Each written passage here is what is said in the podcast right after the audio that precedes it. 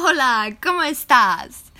Słuchajcie, witam Was po krótkiej przerwie, bo dosłownie nagrywam ten odcinek po tym, jak udostępniłam ostatni kilka minut temu.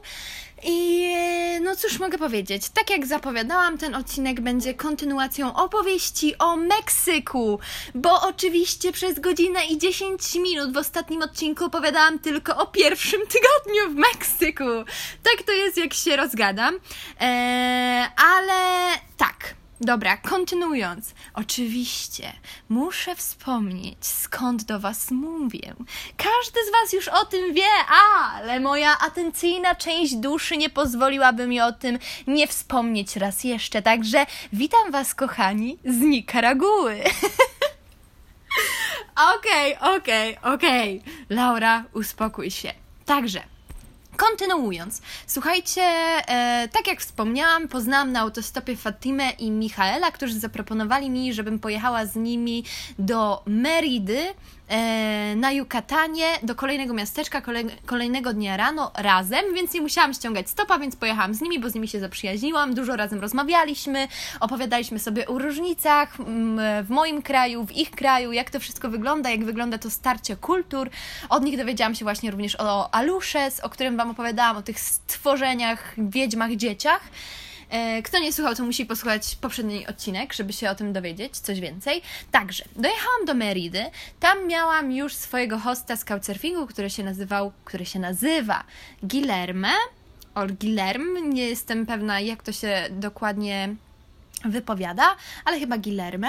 E, ogólnie jadąc tam nie wiedziałam za bardzo, co ja w sumie będę robić, co ja chcę zobaczyć, czy tam coś jest wartego uwagi, czy nie. Wiedziałam, że wokół są jakieś cenoty, ale już wcześniej, no, tak jak Wam mówiłam, po prostu byłam w różnych cenotach, pływałam, mam piękne zdjęcia, fajne doświadczenia. Większość z nich była płatna, więc ja po prostu kolejny raz nie chciałam płacić za kolejne cenoty, ale mój host, Guillermo, powiedział mi, że niedaleko jest miasteczko Izamal.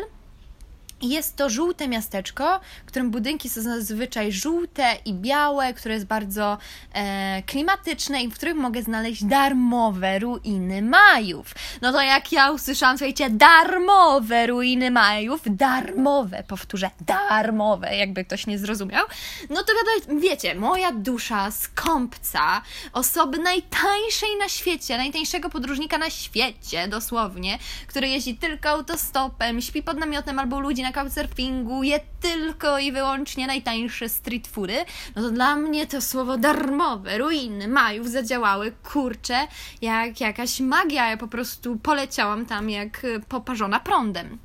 Dosłownie. Kolejnego dnia Yy, po prostu powiedziałam, sorry, jadę do Izamal po te darmowe ruiny Majów, nie wiem kiedy wrócę. No i pojechałam tam autostopem, Rzeczywiście poszło bardzo łatwo, w ogóle poznałam na e.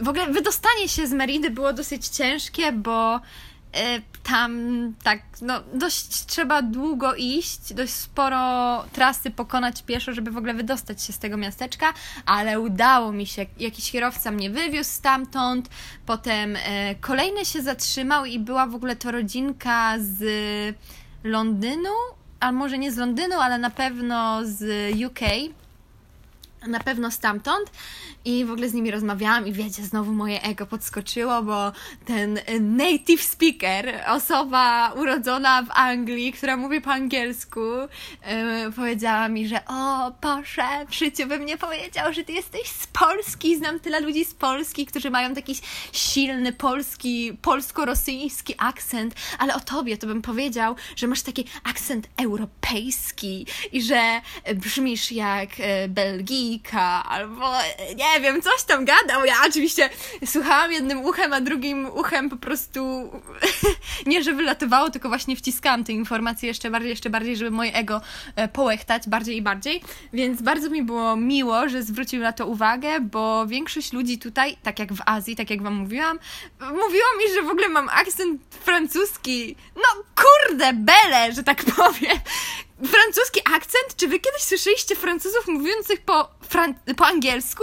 Przecież to jest dramat. Oni mówią z tak silnym akcentem, akcentem, że ja nie sądzę, żebym miała francuski akcent, tylko po prostu mam wrażenie, że ludzie, na przykład z Azji czy z Ameryki Łacińskiej, uważają, że każdy ma francuski akcent, tylko dlatego, że jest bardzo dużo podróżujących Francuzów wokół.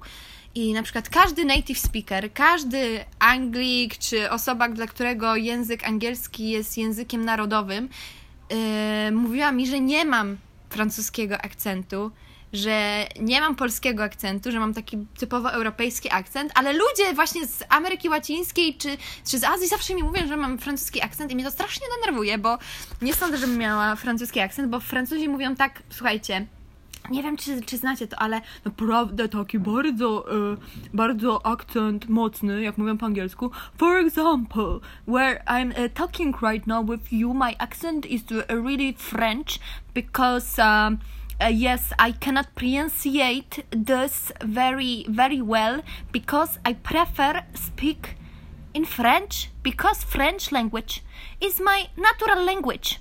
I oni mówią coś takiego, oni mówią coś tak. Teraz to był bardziej może ruski, a może tak nie potrafię za bardzo naśladować e, francuskiego akcentu, ale ten akcent jest bardzo silny i oni też często. Hr, hr. Ja teraz powiedziałam r, bo jestem Polką i to był bardziej polski akcent, ale oni zazwyczaj mówią r, ready, ready, no ready, ready, ready, ready. Jezus, Marius, jak słyszę ten akcent, to aż mnie ciarki przychodzą po ciele i nie lubię tego, jak ktoś mówi, że mam francuski akcent. Dlatego wtedy, Jezus, znowu zmieniam ten temat. E, dlatego wtedy ucieszyłam się, jak... Anglik powiedział mi, że mam bardzo europejski i czysty akcent. No i oni zawieźli mnie tak nie do końca do miejsca, do którego ja chciałam jechać, ale wysadzili mnie gdzieś tam na drodze, po drodze mojej drogi. Y, trochę musieli nadrobić, żeby mnie wysadzić w dobrym miejscu, ale aczkolwiek chcieli, chcieli to zrobić. Y, ja im bardzo serdecznie podziękowałam. Potem złapałam kolejną osobę, która znowu nie dowiozła mnie do końca tego miejsca, ale potem złapałam kolejny samochód, który już zawiózł mnie totalnie do Izamal i, i powiedział, że będzie wracać za kilka godzin i mogę jechać z nim z powrotem do Meridy, więc jakby jadąc z powrotem znowu nie musiałam łapać stopa, bo ludzie byli na tyle mili, że zaproponowali mi podwózkę z powrotem, tylko musiałam się z nimi spotkać o danej godzinie e, tam i tam, gdzie trzeba było i jechałam z powrotem do Meridy. No i pojechałam, e, tak, no i pojechałam do tego Izamal, do tego żółtego miasteczka.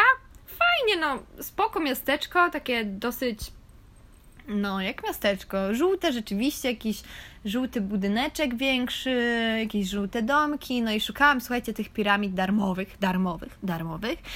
No i znalazłam jakieś, potem się okazało, że one w ogóle są zamknięte, zaczęłam gadać z ludźmi, mówiłam, one są już zamknięte bardzo długo, bardzo długo. No i się okazało, że rzeczywiście były zamknięte, ja tak naprawdę nie mogłam tam wejść, ale zaczęłam, otworzyłam mapę offline, Maps.me, o której Wam mówiłam wcześniej i zaczęłam patrzeć, czy to są rzeczywiście jedyne ruiny w ogóle w tej mieścinie, to jest niemożliwe, bo przecież mój host, Guillerm, powiedział mi wcześniej, że te ruiny są dostępne i tam w ogóle nie ma żadnych krat, więc te, które ja znalazłam, to musiały być jakieś inne. Zdążyłam Zdążyłam już mu napisać oczywiście na Whatsappie, że no, ruiny są zamknięte, że przyjechałam trochę na darmo, ale ogólnie fajny klimat. W międzyczasie znalazłam inne ruiny, okazało się, że te ruiny to są te darmowe ruiny, o które chodziło. Mogłam sobie na nie wejść mogłam e, wejść na sam szczyt tych ruin, trochę siedziałam sobie w cieniu pod drzewkiem, bo byli ludzie, jak wszyscy ludzie poszli, ci turyści, niekoniecznie turyści z innych krajów, ale właśnie turyści lokalni. E, bo Meksykanie też bardzo dużo podróżują po swoim kraju, jednak kraj Meksyk jest ogromny, tak? E, ogromny, więc jechanie z północy na południe, albo z wschodu na zachód, albo ogólnie z jednej części, z jednego stanu do drugiego, to są totalnie inne doświadczenia Meksyku, jakie można poznać. Ja byłam tylko w tej, tej południowej części, stan Quintana Roo, Yucatan, Chiapas. O tej różnicy między stanami też Wam zaraz powiem, bo to jest bardzo ważne i bardzo zauważalne. E, dlatego dla, oni też dużo podróżują. I co ciekawe, Meksyk w trakcie pandemii nigdy nie zamknął swoich granic, a przez to, że nigdy nie zamknął granic, teraz podróżowanie dla Meksykanów jest bardzo utrudnione, bo po prostu inne kraje zamykają się dla Meksykanów, uważając, że przecież oni są skażeni teraz totalnie przez koronawirusa, co jest oczywiście nieprawdą, e, ale że nigdy nie zamknęli granic, przez to inne kraje są, traktują ich z dystansem i podróżowanie teraz dla Meksykanów jest bardzo utrudnione. No, wielka szkoda, wielka szkoda. Aczkolwiek mają tak piękny kraj i tak różnorodny i tak ogromny, że na szczęście są w stanie podróżować również w tym kraju, yy, w swoim kraju, no i dzięki temu też utrzymują turystykę. A ja uważam, że przez to, że nie zamknęli granic, że Meksyk nie zdecydował się na zamknięcie granic, jednak no, ten kraj wciąż funkcjonuje na bardzo dobrym poziomie, z tego względu właśnie, że turystyka się wciąż tam utrzymuje, więc to był dobry ruch, to był dobry ruch. A już jakby wiecie, nie wnikając w same sprawy pandemiczne i roznoszenie wirusa, bo ja nie jestem najlepszą osobą, żeby w ogóle o tym mówić, ale to jest moje osobiste zdanie e, na ten temat. No i wiecie, znalazłam te piramidy tam, trochę pochodziłam, weszłam sobie na czubek, poprosiłam jakąś kobietę, żeby zrobiła mi zdjęcie. No i e, dostałam wiadomość, e, znaczy telefon od tego kierowcy, że w sumie możemy już jechać po kilku godzinach. I pojechałam z nimi z powrotem do Meridy. Słuchajcie, o Meridzie chciałam Wam opowiedzieć, bo Merida to jest bardzo fajne miasteczko, bardzo klimatyczne. E, pierwszy raz wtedy zetknęłam się z kulturą e, La Katariny. La Katarina to jest postać kobieca, ale szkielet. Kobiecy, jakby to powiedzieć, szkie, szkielet kobiety, postać kobiety przedstawiona w formie szkieletu, ubrana w dostojną, piękną suknię z XIX wieku wraz z nie wiem, czy kapeluszem, czy sombrero, chyba raczej kapeluszem y, z piórami, pióropuszem, e, która symbolizuje śmierć. La Katarina, ten szkielet kobiecy, symbolizuje śmierć. E, i, I słuchajcie, śmierć dla Meksykanów jest czymś naprawdę bardzo ważnym, bo jest to jedynie przejście, przejście jakby, o nie, czekaj, życie życie aktualne jest przejściem do życia wiecznego, śmierci, tak jak to zazwyczaj w kulturze oczywiście katolickiej bywa, ale oni naprawdę uważają, że życie doczesne jest jedynie e, czymś, co każdy z nas musi przejść, jest jedynie takim, wiecie, pyłem na wietrze, niczym szczególnie ważnym. I że prawdziwe życie rozpocznie się dopiero po śmierci. I oni nie boją się śmierci, oni nie traktują śmierci jako coś tragicznego, e, co e, trzeba opłakiwać, a raczej jako kolejny etap w życiu, który trzeba świętować. I co ciekawe, nie wiem, czy oglądaliście bajkę Coco. To jest piękna bajka, którą Wam bardzo polecam. I, i tam jest to pięknie przekaza przekazane, i to rzeczywiście jest prawda, że na przykład e, w dzień Wszystkich Świętych, czyli dzień przed Halloween, noc przed Halloween, e, Meksykanie celebrują śmierć. E, chodzą na cmentarze. Te cmentarze nie są takie smutne jak nasze w Polsce, szare. No, kwiaty jakieś wiadomo mamy w Polsce, ale raczej to są jakieś kolorowe cmentarze, jakieś takie wielkie. Mm, te kamienie i, i, i, i, i, kwiaty i w ogóle wszystko jest takie bardziej kolorowe, to oni dzień przed Halloween, w Dzień Wszystkich Świętych, nasz polski Dzień Wszystkich Świętych, przychodzą na cmentarze i celebrują śmierć.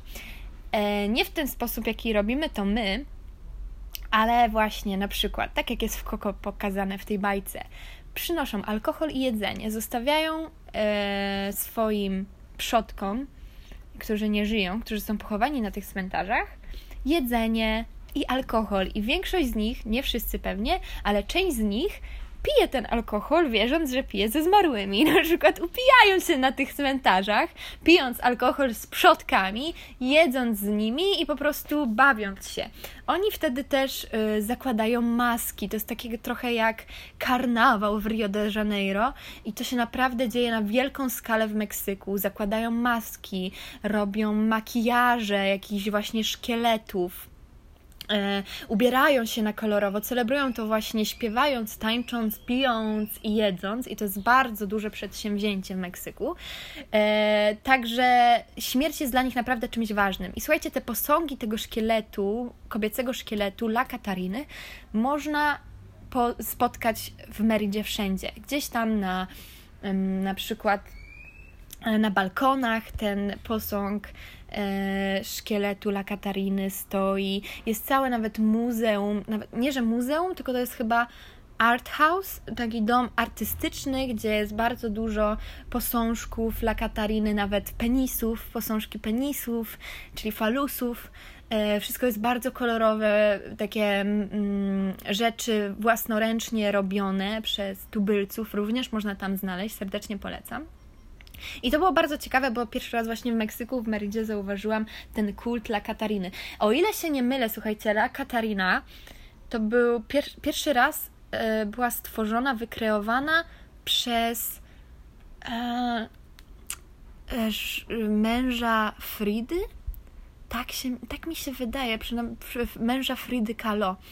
I na przykład y, y, obrazy Fridy Kahlo też wiszą wszędzie, na przykład w tym miasteczku, żółtym miasteczku Izamal, tak o, wiszą sobie na ścianie e, nie zdjęcie, tylko właśnie jakiś obraz z wizerunkiem Fridy Kahlo, e, czy są oczywiście jakieś muzea z tym związane. Ja poszłam do jednego muzeum, ale to było Muzeum Sztuki Nowoczesnej, tylko dlatego, że było darmowe. I tutaj znowu się ode mnie, e, we mnie odzywa ten skąpiec największy skąpiec w podróży. Poszłam do muzeum, bo było darmowe, było ciekawe, aczkolwiek ja jestem osobą, która nie rozumie sztuki. Ja doceniam sztukę, bardzo doceniam sztukę, ale jej nie rozumiem, nie jestem w stanie i niestety jej zrozumieć. Nie wiem, czy nawet tu chodzi o rozumienie sztuki, ale aczkolwiek takie są moje odczucia. Ja po prostu jestem osobą, która kocha naturę i największą sztuką dla mnie zawsze będzie natura. Będą widoki, jeziora, góry, morze, ocean, wszystko to, co jest wokół nas, i, I, no, ale nie będę na ten temat się y, rozgadywać, bo każdy, to są preferencje, wiecie, każdego z nas, każdy z nas ma, in, ma inne preferencje, dlatego no, e, skończę ten temat. No i w każdym razie Merida no, naprawdę jest bardzo klimatycznym miejscem, bardzo ciekawym, właśnie przez tą La Katarinę, ten szkielet, y, przez te miejsca artystyczne, gdzie można te własnoręcznie wykonane rzeczy znaleźć. Naprawdę mają piękne rzeczy. Ja tam właśnie kupiłam sobie y, kolorowe kolczyki, takie długie, wiszące kwiaty z koralików y, własnoręcznie wykonane przez lokalców i oni mają ich mnóstwo tam. Słuchajcie, tam znajdziecie wszystko. Jakieś własnoręcznie wyszywane torebki, sukienki, biżuteria, takie wielkie naszyjniki cudowne, piękne. Więc w Meridzie, jeżeli ktoś lubi chodzić po targach, i tutaj wiem, że moja mama by była zachwycona, po prostu by nie wychodziła po tych, z tych targów, z tych sklepików, dla niej to by było niemożliwe, to naprawdę polecam.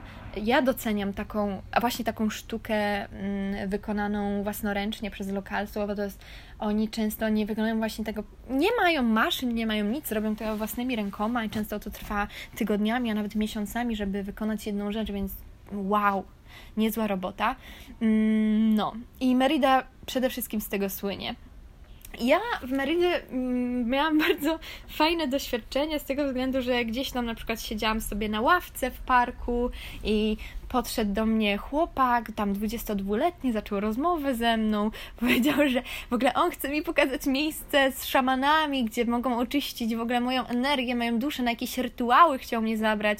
A ja, że nie, że dziękuję, bo czekam na mojego hostę z couchsurfingu i że muszę iść do domu niedługo, bo jestem z nim umówiona, bo tam jego znajomi nas zaprosili i tak dalej.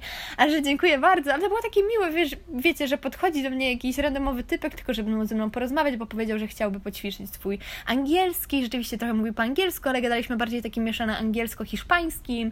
Potem dalej siedzę sobie na tej ławce i siedzi obok mnie jakiś, nie, nie obok mnie na ławce, tylko na ławce obok jakiś inny mężczyzna, który po prostu widząc mnie siedzącą tam, poprosił innego mężczyznę sprzedającego słodycze, żeby podszedł do mnie z jednym takim typowo lokalnym słodyczem z kokosu, kokosa, e, żeby mi ten słodycz dał. On po prostu zapłacił za ten słodycz i powiedział: Ty musisz spróbować tego słodycza z kokosu.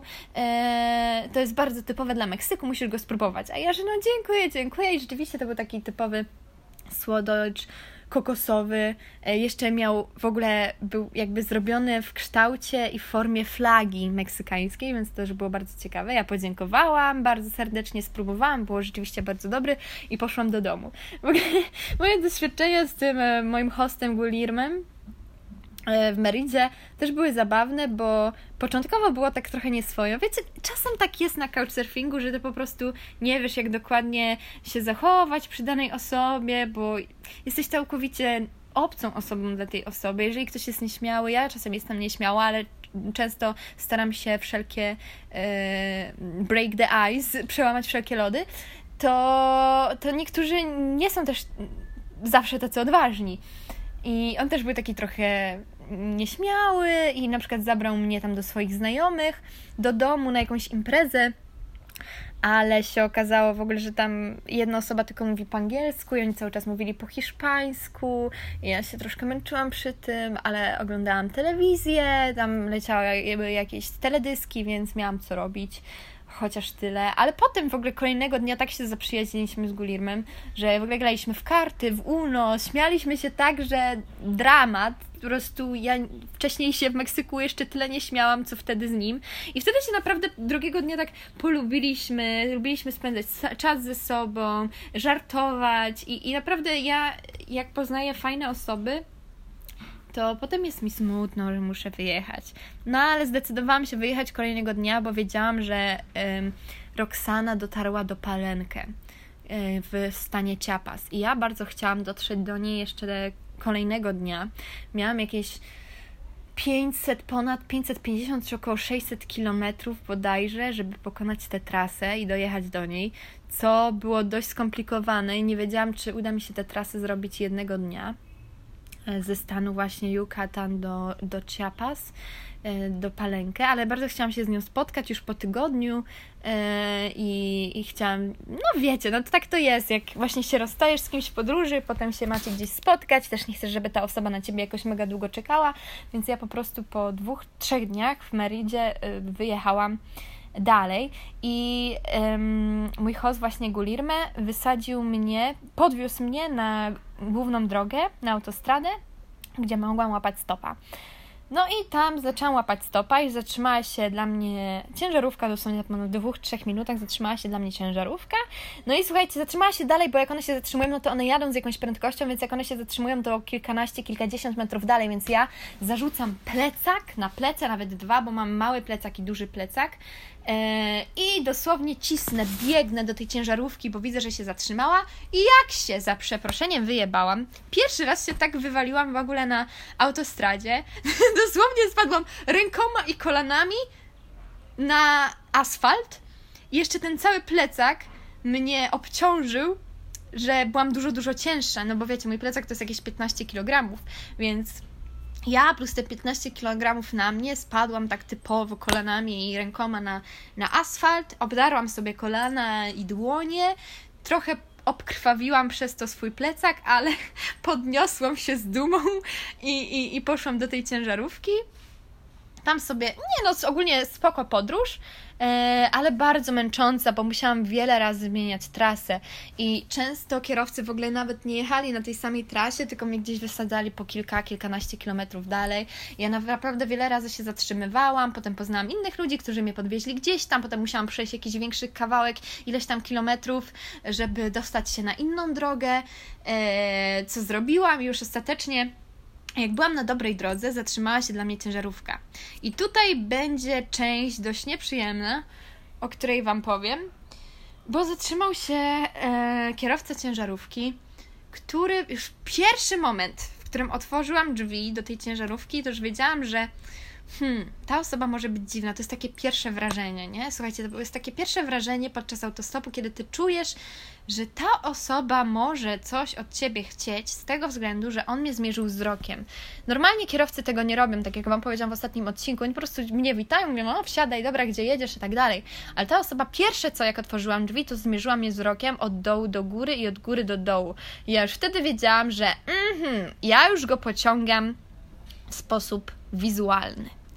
To już nie jest dobry znak, ale byłam dość zdesperowana, bo no mówię, już przeszłam tyle na tej drodze, już tyle razy zmieniałam trasy, jeździłam tylko po kilka kilometrów z tymi e, e, e kierowcami, a trzeba powiedzieć, że no jest, tam jest gorąco i idąc tym 15-kilogramowym plecakiem, kiedy jest gorąco, to naprawdę człowiek podupada chwilami, więc ja zdecydowałam się wejść do tej ciężarówki, bo też nie chciałam od razu oceniać tego człowieka. Możliwe, że mu się spodobałam wizualnie, ale nie musiał wcale nic ode mnie chcieć, prawda?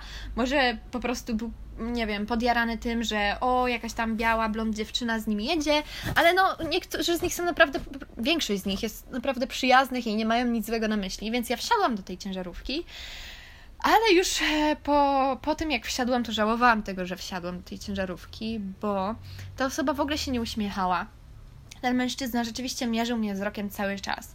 Dosłownie po kilku minutach jazdy zapytał mnie, tu kieres sekso? To znaczy, czy chcesz uprawiać ze mną seks? A ja powiedziałam, no, no quieres sekso. A on na to, por qué? Por qué? I zaczął się robić taki dość nieagresywny, ale widać było, że nie była to odpowiedź, która go ocieszyła. I cały czas, quieres sekso, quieres sekso, quieres sekso. Czy chcesz ze mną uprawiać seks? Uprawiaj ze mną seks, uprawiaj ze mną seks. A ja na to, że nie, nie chcę z nim uprawiać seksu. A on na to, por qué, por dlaczego, dlaczego, dlaczego, dlaczego? I się robił taki dosyć nerwowy. Eee, chciał uprawiać ze mną seks. Ja już się robiłam nerwowa, bo czułam się bardzo niekomfortowo. Nie wiedziałam, jak daleko ta cała sytuacja może wybrnąć, zabrnąć. Eee, trzeba być zawsze, słuchajcie, czujnym i reagować wcześniej niż cokolwiek mogłoby się zdarzyć. Więc ja po prostu poprosiłam go kilkukrotnie, naprawdę kilka razy. Nawet nie prosiłam, tylko mówiłam: zatrzymaj samochód tutaj. E, aki, para, aki, stop, tutaj, stop. Chcę wyjść na zewnątrz. Dziękuję za podwózkę. Chcę wyjść, już sobie poradzę.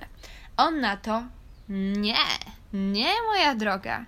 Ja się nie zatrzymuję i ty nigdzie nie wychodzisz. Jedziesz ze mną. I w ogóle no mój po- hiszpański jest bardzo zły, ale z tego co on mówił, ja byłam w stanie zrozumieć po prostu to, że on chce ze mną zajechać na jakiś parking i chce ze mną uprawiać seks.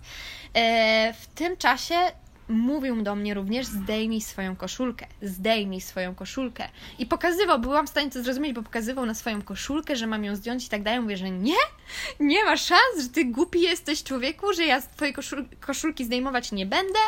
E, ja nie chcę z tobą seksu, no quiera sexo, no quiera sexo, dziękuję, kurwa nie. E, już byłam e, zdenerwowana i zaczęłam Roxanie po prostu wysyłać swoją lokalizację. Tylko najgorsze jest to, że ja kurczę nie miałam zasięgu nie miałam zasięgu, bo jechaliśmy w ogóle jakąś drogą szybkiego ruchu, czy tam autostradą, akurat jakieś lasy były, nie miałam zasięgu i tylko czekałam, aż znowu się połączy ze mną zasięg. Już wysłałam lokalizację, napisałam Roxanie Roxana, jest, miałam akurat e, lokalną kartę SIM, więc miałam internet. E, pisałam Roxana, jestem z jakimś podejrzanym typem w aucie, jedziemy tam i tam, do tego miejsca i tego miejsca. Jesteśmy mniej więcej tu, wysyłam Ci lokalizację, jeżeli nie będę odpowiadać przez jakiś czas, po prostu kontaktuj się z policją. A ja sama miałam i tak telefon przygotowany, żeby kontaktować się z policją tylko w momencie, kiedy, yy, kiedy bym odzyskała zasięg.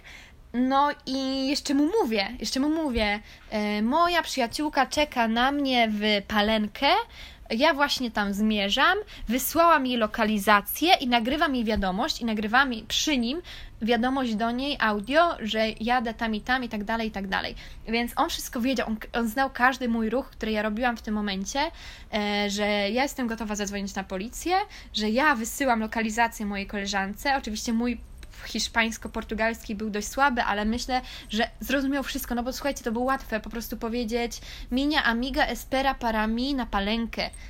Moja koleżanka czeka na mnie w palenkę, tak?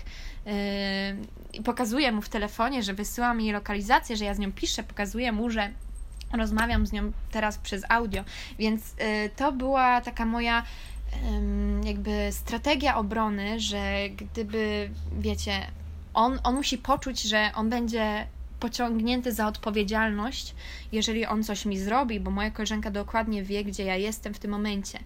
Widać było, że on się wtedy trochę uspokoił, bo ja też zaczęłam zmieniać temat. Ja zaczęłam mówić po portugalsku, portugalsku, hiszpańsku, że jestem wolontariuszką w Portugalii, że pracuję z dziećmi i młodzieżą w domu zastępczym, że te dzieci nie mają rodziny, że ja je uczę angielskiego, że e, pintar, designu, że ja z nimi maluję, rysuję, robimy jakieś rzeczy własnoręcznie i tak dalej. I on wtedy trochę się rozluźnił był taki, a, volontario, volontario, okej, okay, okej, okay. że takie, że no okej, okay, jesteś wolontariuszką, pracujesz z dziećmi, to jakby było takie, że no i wiecie, to jest temat, który y, raczej ludzie nie chcą ranić ludzi, którzy robią coś dobrego, y, działają jakoś tak społecznie, przynajmniej ja mam takie wyobrażenia na ten temat. Więc on trochę się rozróżnił i on się zaczął śmiać w ogóle z mojego portugalskiego, hiszpańskiego języka, że to było takie trochę nieułomne, to moja, ta moja rozmowa z nim, ale zaczął się śmiać i dzięki temu ta rozmowa się trochę rozluźniła, aczkolwiek no cały czas jak go prosiłam, żeby zatrzymał samochód i pozwolił mi wyjść, to się nie zgadzał na to, nie pozwalał mi stamtąd wyjść. Eee, ale ja czekałam na możliwość, w której on by zwolnił chociaż trochę i mogłabym otworzyć drzwi. W momencie, kiedy ja bym otworzyła drzwi, byłaby możliwość, że on by zwolnił wtedy, bo bym się przestraszył, że ja wyskoczę czy coś takiego i wtedy ja naprawdę mogłabym wyskoczyć, kiedy by zwolnił, zwolnił czy się zatrzymał. Także taki był plan główny. Ale na szczęście nie musiałam wyskakiwać w trakcie jazdy, bo e, podjechaliśmy do bramek na autostradzie. On się musiał siłą rzeczy zatrzymać przy tych bramkach, żeby zapłacić, czy to wziąć ticket, czy cokolwiek. I ja w tym momencie po prostu chwyciłam szybko swój plecak, ja już go miałam przygotowany przy sobie. Chwyciłam szybko swój plecak, otworzyłam drzwi i powiedziałam: e, Thank you for help, dziękuję za pomoc. Wyszłam, zamknęłam drzwi, pomachałam na do widzenia i wyszłam, ale wyszłam bardzo roztrzęsiona. Ja jeszcze pamiętam, że jak byłam w tej ciężarówce, to planowałam, bo wiecie, ciężarówki się mijają, to są takie drogi szybkiego ruchu, gdzie jeździ bardzo dużo ciężarówek, więc moim kolejnym planem było, e, kiedy wyprzedzaliśmy jakąś ciężarówkę, żeby ustawić się przy oknie i machać przy tym oknie do innego kierowcy z innej ciężarówki na tej samym e, levelu, na tym samym poziomie wysokości i pokazać mu, że ja jestem w niebezpieczeństwie, jestem w niebezpieczeństwie, proszę pomóż mi. I to był mój plan. E, ewentualny, gdyby wszystko inne zawiodło i, i, wydaje mi się, że to by mogło zadziałać. Więc to Wam sprzedaję ewentualnie jako tipy, gdyby cokolwiek takiego w Waszym życiu na autostopie się zdarzyło, to e, zawsze warto mieć przede wszystkim kartę, lokalną kartę SIM z pakietem internetu, żeby się kontaktować z kimkolwiek telefon przygotowany, żeby zadzwonić na policję. Po drugie, próba um, uzyskania pomocy od innych kierowców na tej samej ulicy, na tej samej drodze, którzy cię mijają. Próba pokazania im, że ty tam jesteś w tym samochodzie i że ty potrzebujesz tej pomocy. E, no, ostatecznie skończyło się wszystko dobrze, bo ja wyszłam z tej ciężarówki, powiedziałam, że nie chcę z nim jechać dalej, wyszłam, wyskoczyłam i, i, i tak dalej. Tylko, że po tym doświadczeniu oczywiście moje spostrzeganie kierowców ciężarówki trochę się zmieniło i no, to jest coś, nad czym my ludzie nie jesteśmy w stanie panować, że jeżeli raz jedna rzecz nieprzyjemna się ci przytrafi, to po prostu potem unikasz tych rzeczy, więc ja łapiąc stopa na tych bramkach dalej, po prostu unikałam kierowców ciężarówek. No ja się tego trochę wstydzę teraz, no bo nie każdy kierowca ciężarówki jest taki. Oczywiście ja, większość ludzi, kierowców ciężarówki, których poznam na swojej drodze, to byli właśnie tak jak Wam mówiłam wcześniej, ojcowie, którzy się o mnie martwili, którzy chcieli mi pomóc, a jest naprawdę niewielka ilość takich, którzy coś ode mnie chcieli w sprawach seksualnych. Dlatego no ja nie powinnam pewnie tego robić, ale no pierwsze, pierwsze te, te emocje, takie doświadczenie sprawiają, że ty unikasz potem kierowców ciężarówki przez jakiś czas. Więc łapałam sobie e, osobówki. No i słuchajcie, wtedy mój dzień się zmienił totalnie, totalnie 180 stopni, bo zatrzymały się trzy cudowne kobiety, znaczy w jednym samochodzie, dwie siostry i mama. Ta mama miała ponad 80 lat, te siostry miały około 50-60 lat. I to była Rochi, i Fita. I to były niesamowite osoby. Po prostu mój dzień zmienił się o 180 stopni. E, wszystko zaczęło nagle mieć kolorowe barwy i wyglądać całkowicie inaczej. Te kobiety umiały mówić po angielsku, były Meksykanki. Starsze kobiety właśnie, z którymi ja mogłam porozmawiać po angielsku, były cudowne. Ja mówię do dzisiaj, że to były moje anioły stróże, które, które tego dnia po prostu czekały, żeby mnie z tej ulicy zabrać. Bo nie dość, że prowadziłam z nimi cudowne konwersacje, to jeszcze Zamiast jechać bezpośrednio do mojej destynacji, do której jechać tego, chciałam tego dnia, to zabrały mnie na wyspę e, Sudit de Carmen. Tam w ogóle nawet nie planowałam jechać. One zabrały mnie tam, na tą wyspę, bo tam mieszkały. E, przynajmniej jedna z nich tam mieszkała. Zabrały mnie do swojej willi Fita zabrała mnie do swojej willi, gdzie mogłam spędzić noc. Wcześniej zabrała mnie do swojej restauracji, bo ona jest właścicielką restauracji właśnie w e, Sudit de Carmen na tej wyspie. Ma swoją lokalną restaurację z byłym mężem, prowadzi, z którym się dalej przyjaźni. Opowiedziała mi bardzo dużo o swojej rodzinie. W ogóle podała mi telefon, musiałam oczywiście po angielsku rozmawiać z jej e, synem, który jest w moim wieku. Próbowały mnie zeswatać ze synem, którego nigdy nie poznałam, ale musiałam z nim gadać w ogóle przez telefon wtedy. E, zabrały mnie to do tej restauracji na wielki posiłek. Słuchajcie, ja jem street food zazwyczaj, tak? E, lokalne jedzenie na ulicy, więc ja byłam pierwszy raz wtedy podczas tej podróży w restauracji, do której one mnie zabrały. E, mogłam wybrać sobie co tylko chciałam, jeszcze typowo przygotowały wegetariańskie jedzenie, bo to jest kolejna sprawa, o której muszę wspomnieć, o której nie wspomniałam w ostatnim odcinku, to jedzenie w Meksyku. Słuchajcie, meksykańskie jedzenie jest moim ulubionym ogólnie tutaj meksykańskie i um, łacińsko-amerykańskie, bo jest to jedzenie zazwyczaj ostre i to są przede wszystkim tacosy, czyli tortilla, z różnego rodzaju mięsem, a jak wiecie, ja nie jem mięsa, więc y, po prostu dosyć ciężko było również wy, wyszukać jedzenie wegetariańskie, na przykład takosy wegetariańskie. Zazwyczaj to była po prostu właśnie tortilla z ryżem i jakimiś warzywami w środku i, i przyprawami oczywiście, jakimś ten chili i chili. To nie było zbyt łatwe, żeby to znaleźć, więc ja zazwyczaj jadłam empanadas. A empanadas to empanadas con queso, czyli empanadas z serem. E, to są takie jakby smażone, smażone ciasto, które w środku ma po prostu ser. I to jest smażone. Ja po prostu to cały czas jadę. Do tego czasem się dostaje jakąś surówkę, bo w Meksyku dostajesz właśnie jakieś tam surówki, przyprawy, sosy ostre, e, sosy z awokado. O, dostajesz też awokado, często jakąś taką sałatkę, bardzo ostrą sałatkę z cebuli, Wow, uwielbiam to. Więc zazwyczaj jadłam te empanadas albo właśnie tortille, tacos y, wegetariańskie z ryżem, ale było ciężko znaleźć, więc również tostas. Tostas, tostas to są kanapki. Kanapki, no takie dosyć zwykłe kanapki też z jakimś tam w środku serem często albo mm, mushrooms, czyli grzybami. O, często jadłam. Wszystko, co jadłam w Meksyku było serem albo grzybami, albo serem i grzybami, bo po prostu nie było żadnej innej opcji, żebym e, mogła się najeść w, w kwestii wegetariańskiej tam, aczkolwiek uwielbiam właśnie mm, meksykańskie jedzenie. Z czasem jednak miałam dość tortilli, po prostu tortilla była tam wszędzie, oni jedli tortille na śniadanie, obiad, kolację i w międzyczasie jako przekąski również tortille, więc to było dość E, dość męczące jedząc cały czas tortilla, ale pokochałam meksykańskie jedzenie. E, no i on, to nie jest drogie. Właśnie Meksyk słynie z tego, że ten street food, to jedzenie, nawet w restauracjach dla, dla ludzi, którzy jedzą w restauracjach, to nie będzie drogo, ale w ogóle już street food, jedzenie na ulicy jest bardzo tanie. Zazwyczaj to kosztuje około jednego dolara, czyli 3-4 złotych, 5, zależy jak wielki jak wielki chcesz mieć posiłek, ile porcji empanadas, tostas, yy, czy właśnie ile tacos chcesz zjeść to zależy. Zazwyczaj to jest właśnie kilka złotych, mm, więc ja byłam zachwycona, ale pierwszy raz, jak mnie właśnie Roci i Fita wzięły do swojej restauracji, to mogłam zjeść coś jakby, po, po, powiem szczerze, z wyższej półki, aczkolwiek kolejnego dnia miałam już jakieś takie problemy żołądkowe, znaczy dostałam po prostu biegunki, bo tłumaczyłam to sobie, że wiecie, całe życie jem na ulicy i raz w życiu kuźwa poszłam do restauracji i nagle wiecie, zbyt czyste jedzenie zjadłam. ja zawsze tak mówię, zbyt czyste jedzenie zjadłam i po prostu mój żołądek nie jest do tego przyzwyczajony i dostałam straczki. tak, dostałam straczki, bo zbyt, zbyt dobrych warunkach jadłam.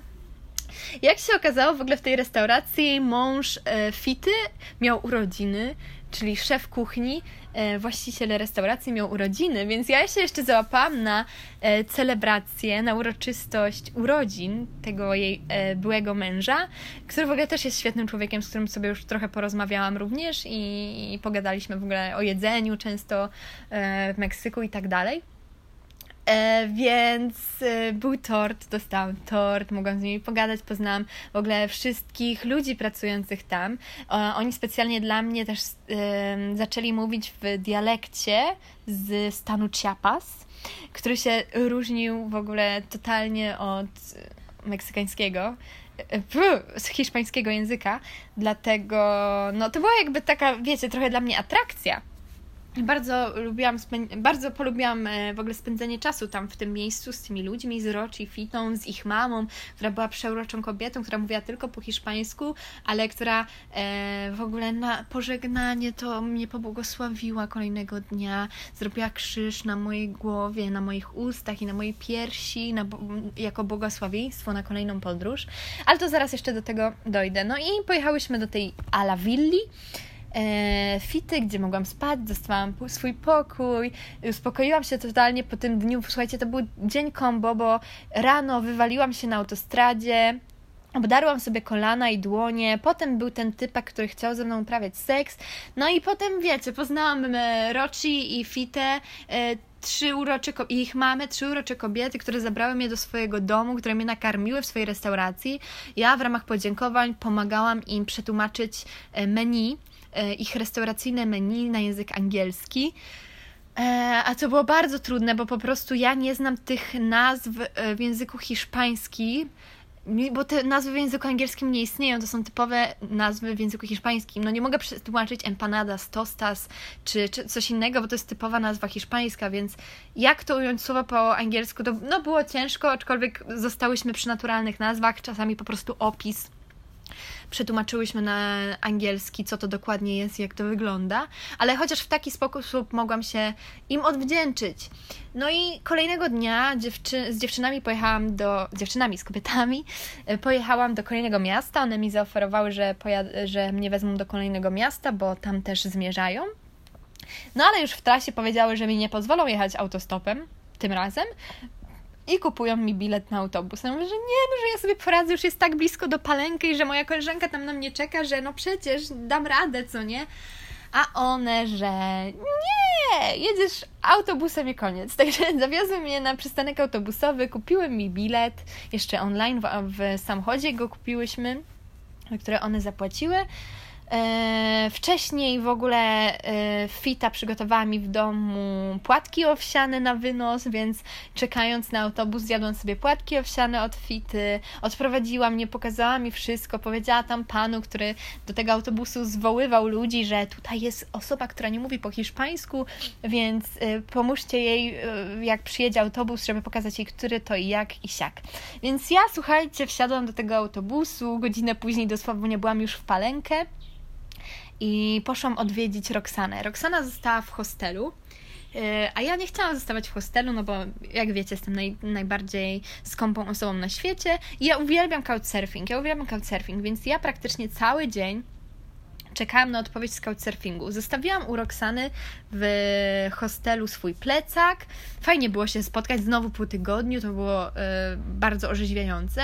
Zostawiłam swój plecak i myśmy pojechały autostopem na wodospad.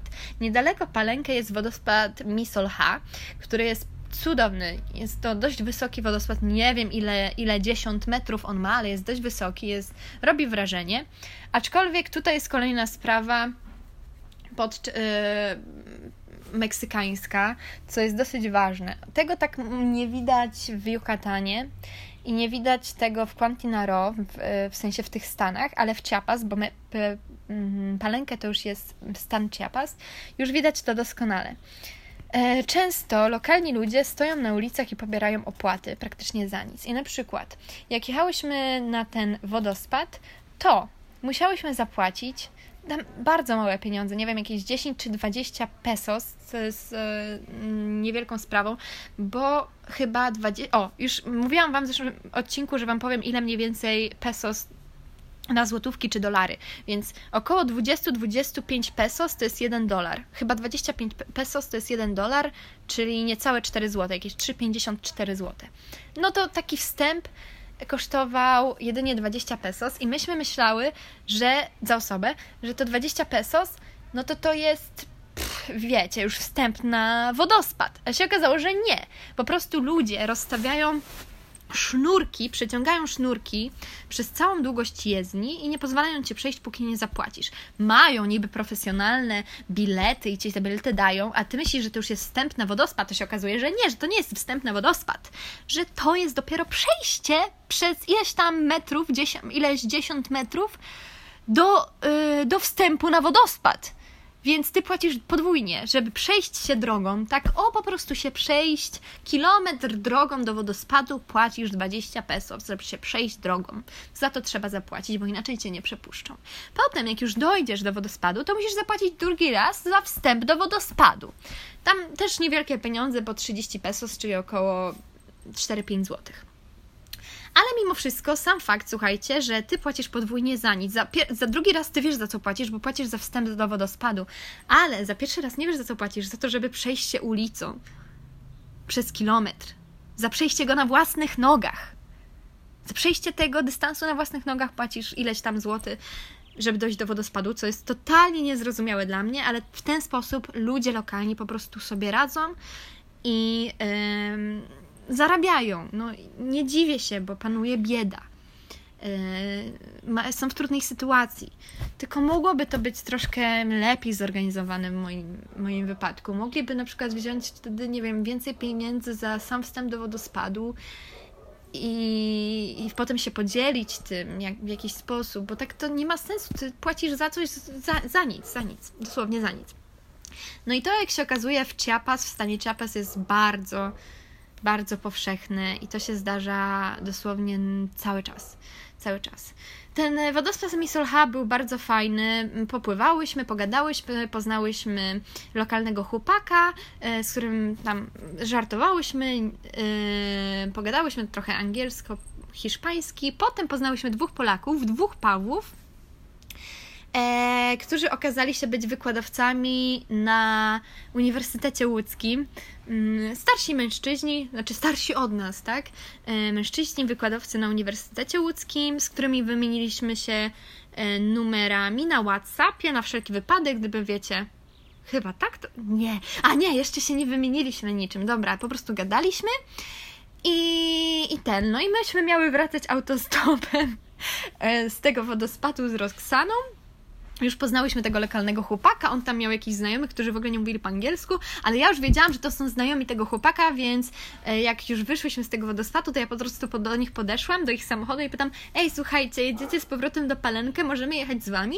Więc wsiadłyśmy po prostu do tego samochodu razem z nimi i pojechałyśmy. Jak się okazało, oni mieli ochotę na imprezę, więc e, nie dojechałyśmy za szybko do tego Palenkę, bo w międzyczasie puszczałyśmy w ich samochodzie polską muzykę, oni puszczali jakąś tam muzykę meksykańską, zabrali nas w ogóle do jakiejś restauracji, ale ja powiedziałam, że ja nie jestem w stanie zapłacić w ogóle za jedzenie w tej restauracji, bo na pewno jest droga, bo wyglądała na fancy, wyglądała na drogą. Słuchajcie, więc pojechaliśmy do miasta, do jakiejś e, lokalnej restauracji. E, tych dwóch chłopaków, mężczyzn wzięło nas do tej restauracji na obiad. Tam dużo nie gadaliśmy, bo oni nie mówili po hiszpańsku. No jak chcieliśmy płacić, oni nie pozwolili nam płacić, więc nam to było na rękę, aczkolwiek ja nie lubię takich sytuacji, ale wiem, że to jest e, w ramach gościny, w ramach dobrego zachowania i często w różnych krajach tak po prostu jest, że mężczyzna płaci za całą grupę. I on chyba zapłacił nie, że tylko za nas, ale też zapłacił za swojego kolegę, więc on zapłacił za to całe grono. No i potem w sumie się rozstaliśmy, pożegnaliśmy, myśmy poszły własną stronę, chciałyśmy chyba iść do hostelu, chciałyśmy kupić piwo, ale po godzinie 20 nie mogłyśmy kupić tego piwa. Co ciekawe, nie, po 21, więc to było dokładnie jak e, w tym, w Portugalii. Do godziny 20 w trakcie pandemii możesz kupić piwo, alkohol w sklepach, ale po 20 już nie. I tak samo by było w Meksyku, ale właśnie w tym stanie Chiapas, że a, w Yucat na Yucatanie chyba też, e, że do 21 można było kupić, a potem już nie. No i nie kupiłyśmy, no już chciałyśmy iść do tego hostelu. Ja dostałam wtedy wiadomość już od mojej, e, od mojego hosta z Couchsurfingu. Ja wiedziałam, że nie będę spała w hostelu, tylko chciałam odprowadzić Roxanę i wziąć mój plecak. Ale wychodząc ze sklepu, po nieudanym zakupie alkoholu, e, spotkałyśmy znowu chłopaków, właśnie tych dwóch Pawłów wykładowców z Uniwersytetu Łódzkiego, którzy nas zaprosili na piwo, więc poszliśmy jeszcze, poszłyśmy z nimi na piwo, zjadłyśmy jakieś naczosy, zaczęłyśmy, zaczęliśmy gadać, wymieniać się doświadczeniami i tak dalej. I wtedy wymieniliśmy się z nimi numerami. No i słuchajcie, kolejnego dnia rano ja poszłam do mojej hostki z couchsurfingu, wzięłam mój plecak. W ogóle moja hostka z couchsurfingu miała sześć kotów. Miała sześć kotów, więc i była jeszcze inna parka na couchsurfingu u niej.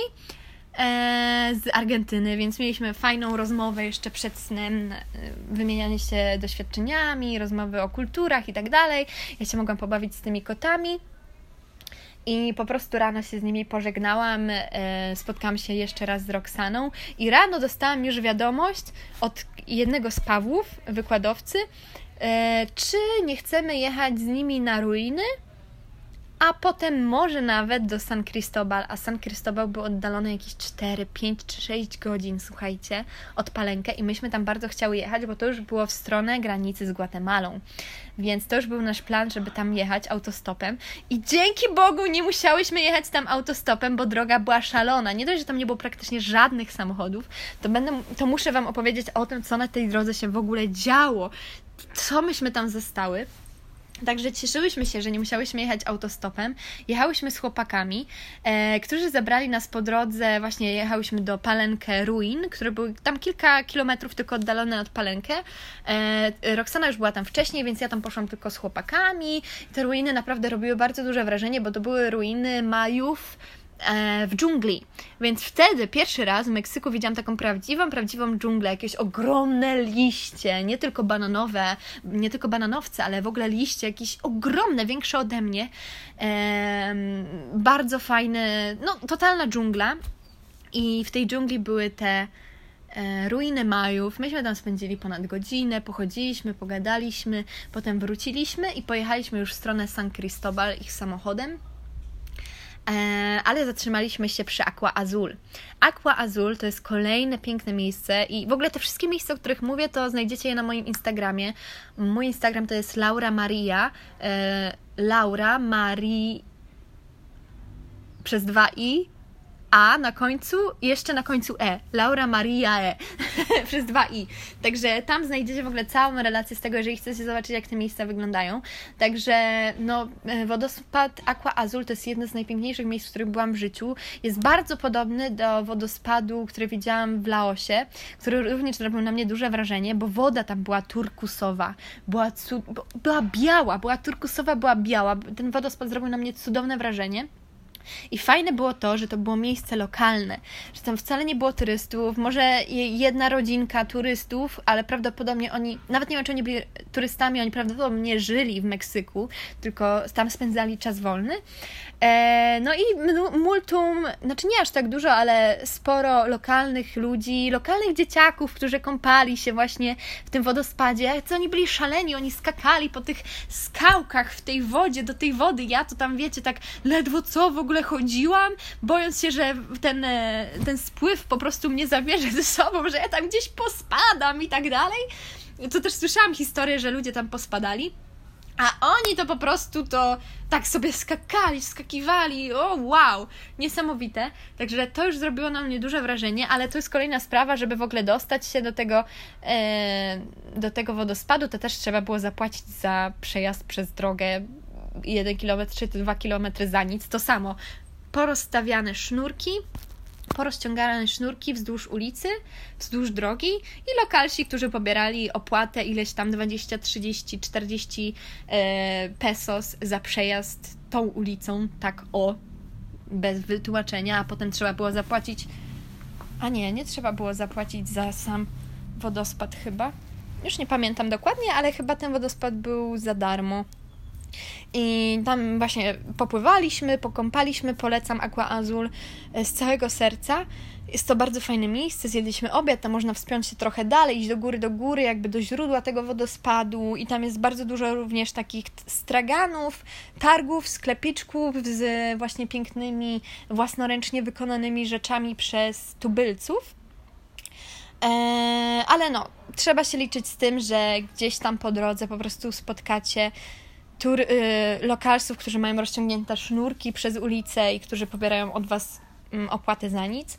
No i wyjeżdżając już z tego Aqua Azul, e, znowu jechaliśmy w ogóle inną drogą i znowu trze, był, zatrzymała, przepraszam, zatrzymali nas lokalsi, tubylcy, którzy oczekiwali opłaty. Znowu mieli sznurek rozstawiony i rzuciło się na nas multum dzieciaków. Jeszcze nawet na parkingu do tego Aqua Azul to już multum dzieciaków się rzuciło, sprzedając jakieś tam e, banany e, smażone, pieczone, jakieś inne rzeczy, chrupki, niechrupki, jakieś tortille, cokolwiek. I, I dzieciaki mówiące, ja pilnowałem twojego samochodu, ja pilnowałem twojego samochodu cały czas, daj mi za to tip, daj mi za to pieniądze, bo ja cały czas pilnowałem samochodu. Oczywiście, że oni nie pilnowali tego samochodu cały czas, czas, ale próbują sobie dorobić w jakiś sposób. No i rzeczywiście ja się cieszę, że Paweł zdecydował się dać dzieciakom pieniądze właśnie za pilnowanie niby tego samochodu. Myśmy tam jeszcze z Roxaną od nich kupiły jakieś e, słodkości, których nie widziałyśmy wcześniej, które chciałyśmy spróbować. Więc dzięki temu mogłyśmy też tym dzieciakom trochę tych pieniędzy dać. Ja nie wiem, czy to jest poprawne, czy nie i jak to tam funkcjonuje, ale ja jestem akurat osobą, która no, no nie wiem, ja tak nie za bardzo potrafię odmówić, jak widzę, że ktoś jest w potrzebie, aczkolwiek wiem, że jest tego zbyt dużo, jest zbyt duże parcie na to i, i, i to nie jest przyjemne, kiedy każdy cię zatrzymuje i chce od ciebie pieniądze. Ja wiem, ja wiem.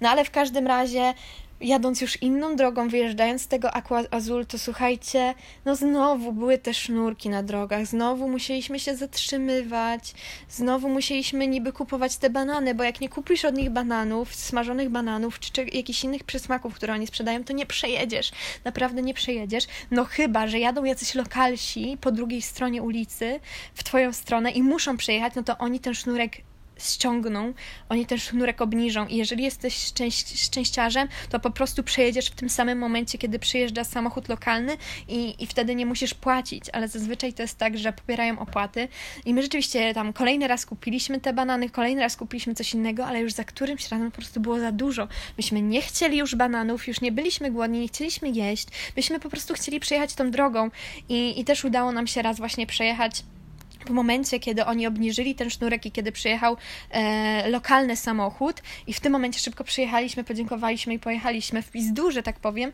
bo to już było bardzo, bardzo takie, no nie na miejscu, oni naprawdę byli nachalni i to nie jest tak, że tylko te dzieciaki, ale się tak rzucały na ten samochód, nie pozwalając ci przyjeżdżać, dosłownie nie pozwalając ci przyjeżdżać, to jeszcze te mamy i te babki tych dzieciaków też nie pozwalały ci przyjeżdżać, e, taranowały ci drogę totalnie, żebyś tylko coś kupił. I, i to było bardzo nieprzyjemne, chociaż ja rozumiem, że to jest jedyny sposób y, po prostu, żeby zarobić e, zarobić w tym miejscu, no bo słuchajcie, różnica między Stanami Quintana Roo, Yucatan i Chiapas jest bardzo duża. Ja takiej biedy w Yucatanie i Quintana Roo nie widziałam. I to jest kolejna kwestia. Quintana Roo i Yucatan są bezpiecznymi Stanami. Są turystyczne, bardzo bezpieczne. Mm, raczej nie trzeba się o nic martwić, raczej nawet nie zauważysz tej biedy tak, jak zauważasz ją w Chiapas. Nawet, no, ja pamiętam wcześniej, dzień wcześniej Paweł zapytał mnie, Laura, czy ty zauważyłaś już biedę w Meksyku? Powiedziałam, no tak, no widziałam biedę, ale nie taką, jak widziałam na przykład w Kambodży, czy w Laosie, czy w, na przykład na Jawie w, w Indonezji. No nie widziałam takiej biedy w Meksyku, a on mówił, a ja widziałem. I ja nie rozumiałam tego do końca, jak on wtedy mi mówił, ale jak podróżowaliśmy razem ich samochodem, na stopa, ale ich samochodem, to ja wtedy zauważyłam dokładnie to, o czym on mi mówił. Słuchajcie, ludzie w stanie Chiapas zazwyczaj żyją w takich szałasach, drewnianych szałasach przy drodze. Tam jest dosłownie nic, tam jest dżungla albo jakieś takie piaszczyste tereny i ludzie żyją w tych drewnianych szałasach, często jakby nawet bez ścian, z zadaszeniem tylko. E, dzieci chodzą pieszo, znaczy, przepraszam, pieszo, boso, chodzą boso, bez butów.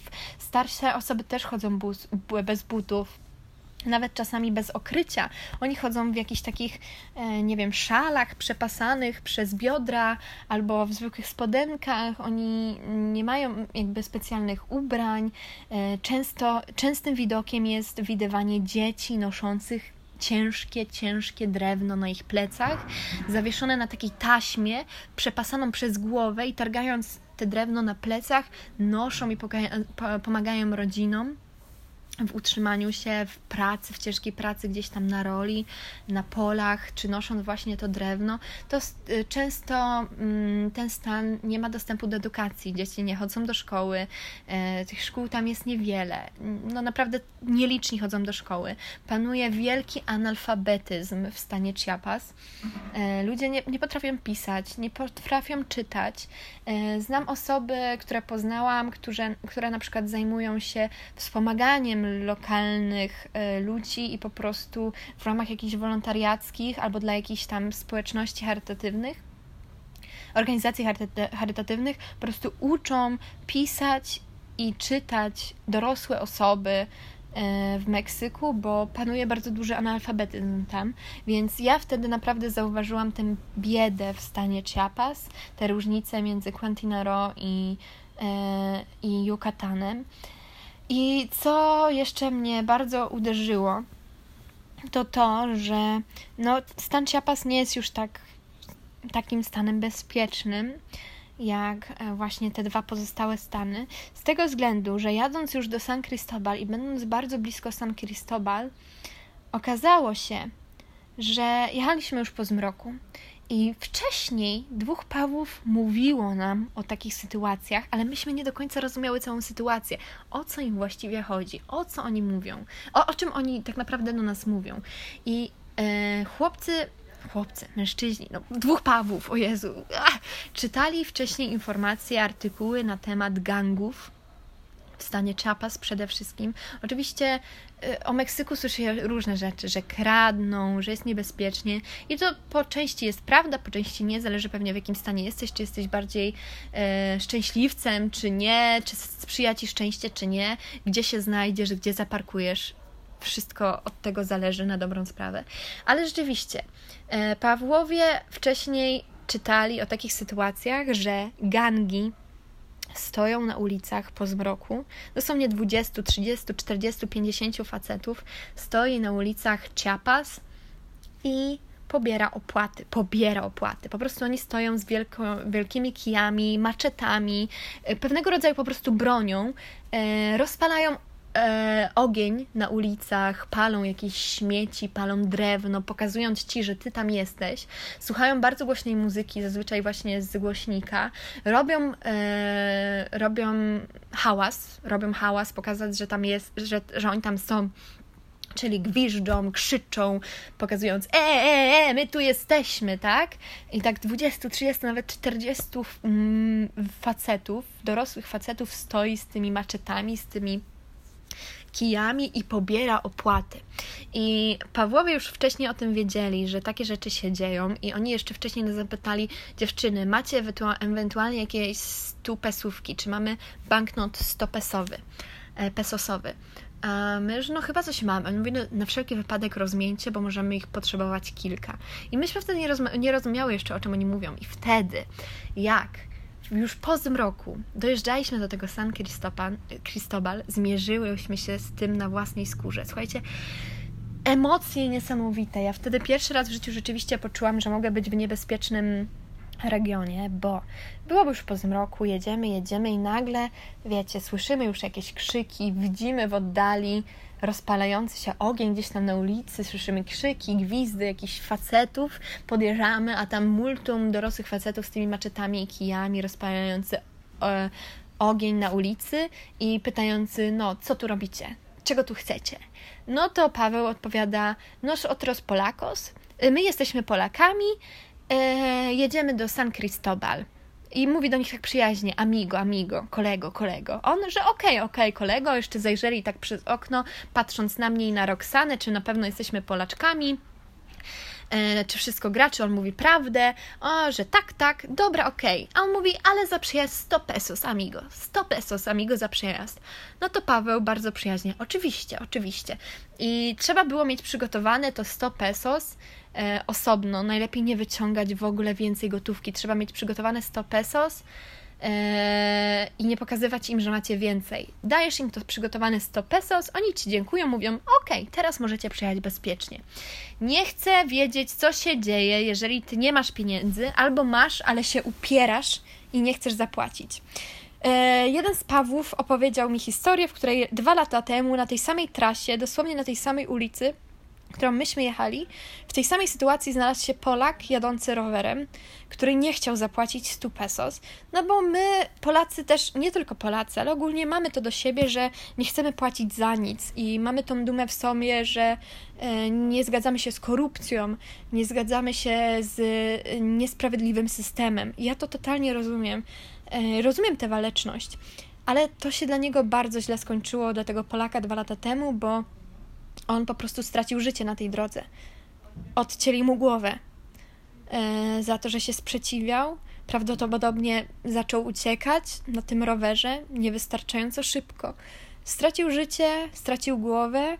E, za nim jechał inny rowerzysta z innego kraju, który prawdopodobnie to wszystko widział i który już oczywiście bardzo, e, bardzo przyjaźnie podszedł do gangsterów i ofiarował im tyle, ile miał. Został obrabowany, ale uzyskał, został przy życiu, że tak powiem.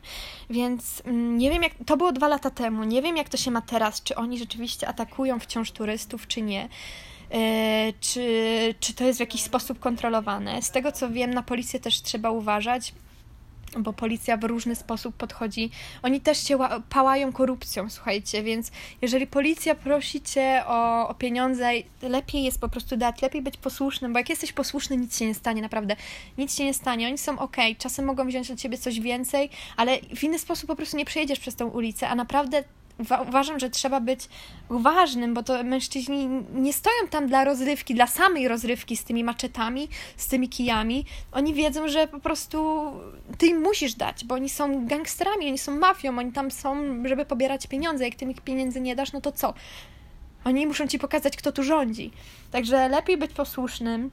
Myśmy naprawdę wtedy były wdzięczne, że nie jechałyśmy na autostopem. Co prawda, co to by była za różnica, czy jechałyśmy z nimi, czy autostopem, e, to samo by nas spotkało, ale nie wiemy, jakby zareagował. Nie, no, lokalsi na pewno by zareagowali w ten sposób, że, dodali, że daliby pieniądze. I to nie jest tak, że oni pobierają pieniądze tylko od turystów, oni pobierają pieniądze od każdego samochodu, który tamtędy przejeżdża.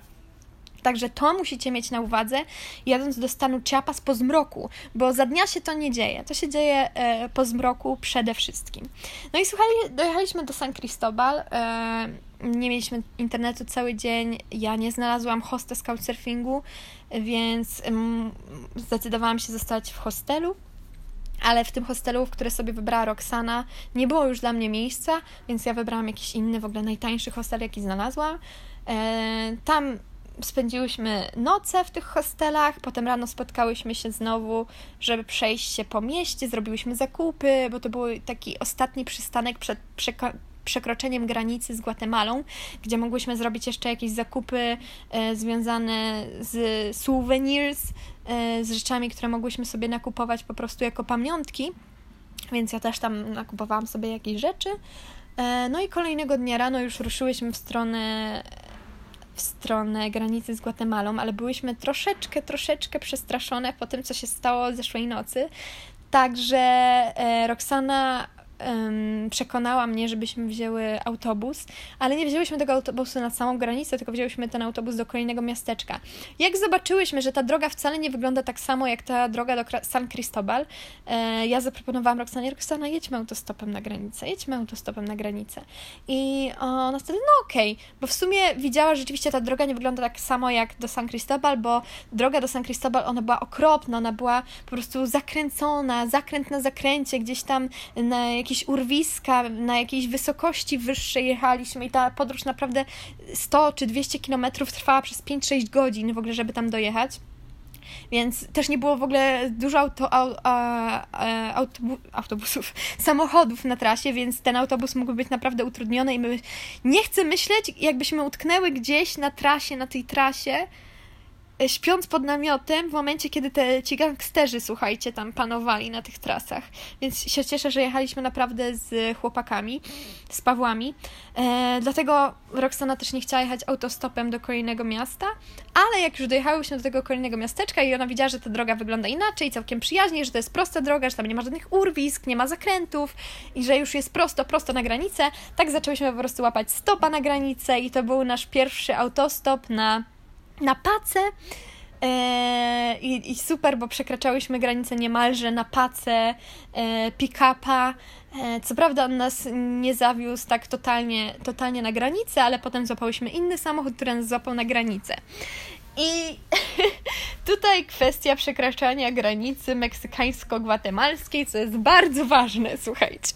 Bo jako, że panuje środek pandemii, wiecie, że trzeba mieć test na COVID ale my, Polaczki, cebulaczki, yy, próbujemy wycwanić się troszeczkę i no nie chcemy płacić za test za COVID. Prawda? Prawda.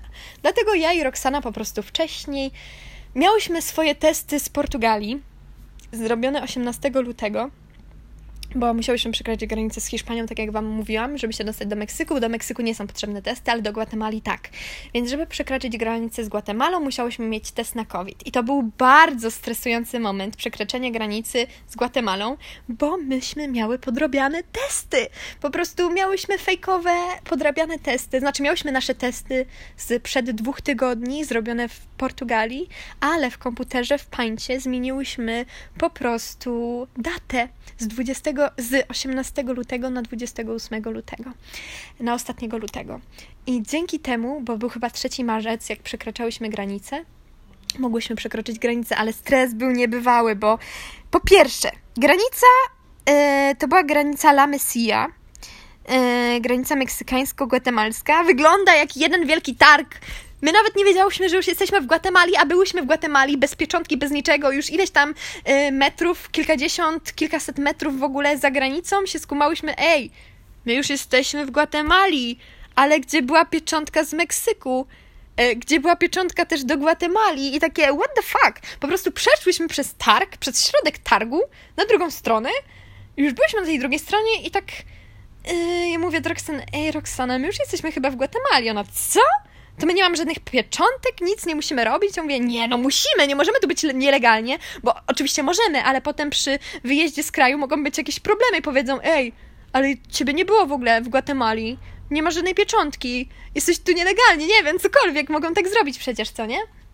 Więc cofnęłyśmy się w ogóle do, e, do jakiegoś budynku, który się wydawał nam budynkiem emigracji. Rzeczywiście tam pytaliśmy ludzi, tak, to jest budynek emigracji. Już tam obok targu, dosłownie go nie było nawet widać za bardzo.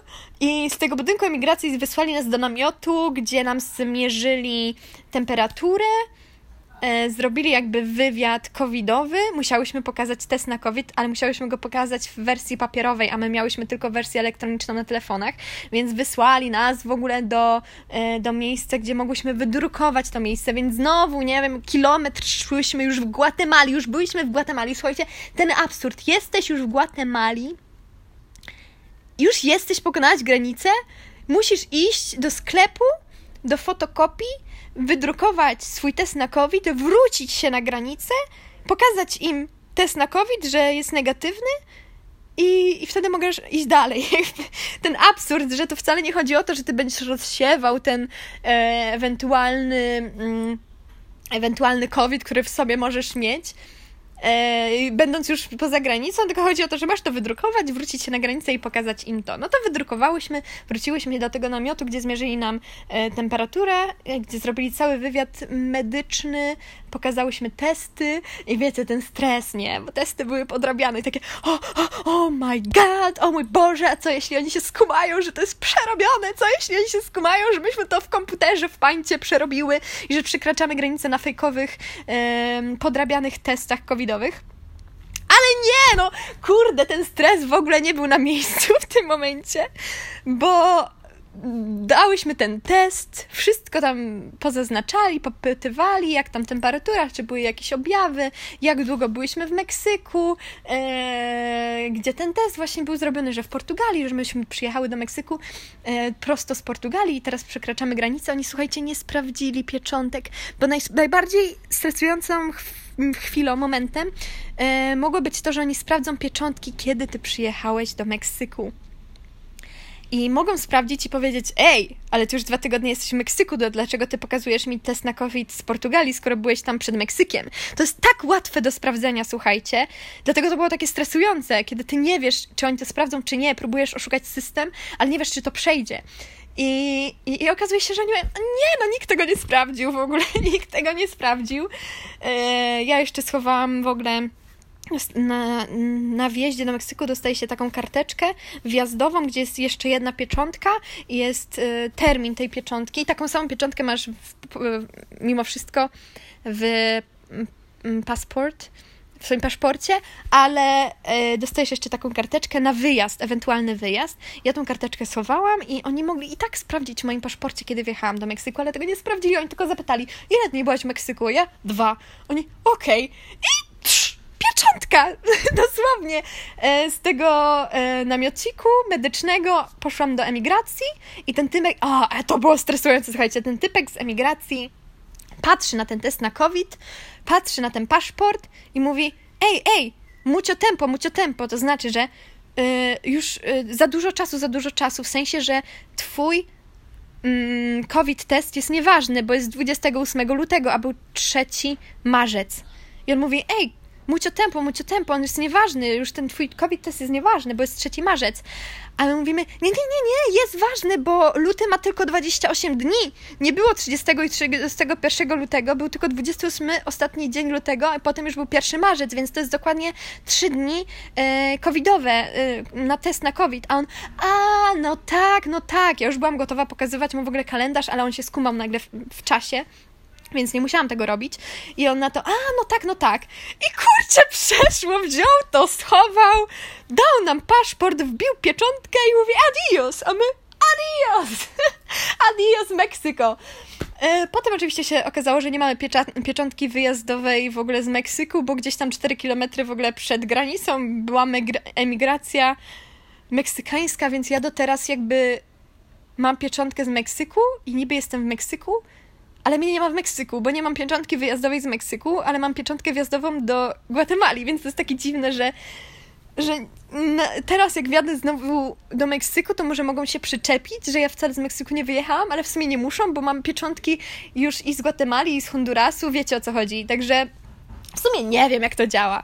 Powiem wam tylko, nie spoilerując za bardzo, bo oczywiście będę opowiadać e, w następnym odcinku o Gwatemali, o Salwadorze, o Hondurasie, o Nikaragui. O tym będą jeszcze inne odcinki, oczywiście, ale zdradzę Wam tylko sekret, że ja te wszystkie granice, właśnie z Gwatemalą, o której Wam mówiłam, ale potem z Salwadorem, z Hondurasem i z Nikaraguą, do każdego z tych krajów potrzeba Wam COVID i ani razu testu na COVID tutaj nie zrobiłam.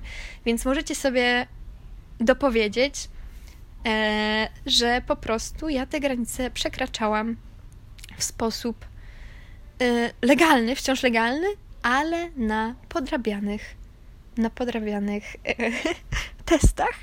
Ale o tym Wam opowiem później, gdyż ten odcinek o Meksyku dobiega końca, gdyż już opowiedziałam Wam wszystko o Meksyku, co chciałam. Także kolejnym odcinku zapraszam Was na opowieść o Gwatemali, o tym, jak. Mm, jakby to powiedzieć. Nieco zauroczyłam się w swoim hoście z couchsurfingu o tym, jak uciekłam od innego hosta z couchsurfingu, o tym, jak wspięłam się na wulkan. Ale nie będę spoilerować za dużo, także słuchajcie, zostańcie ze mną Cieszę się, że mogłam to wszystko z siebie wyrzucić. Już dzisiaj pewnie nie będę miała czasu na opowieść o Gwatemali, ale następnym razem możecie być pewni, że wszystko Wam opowiem.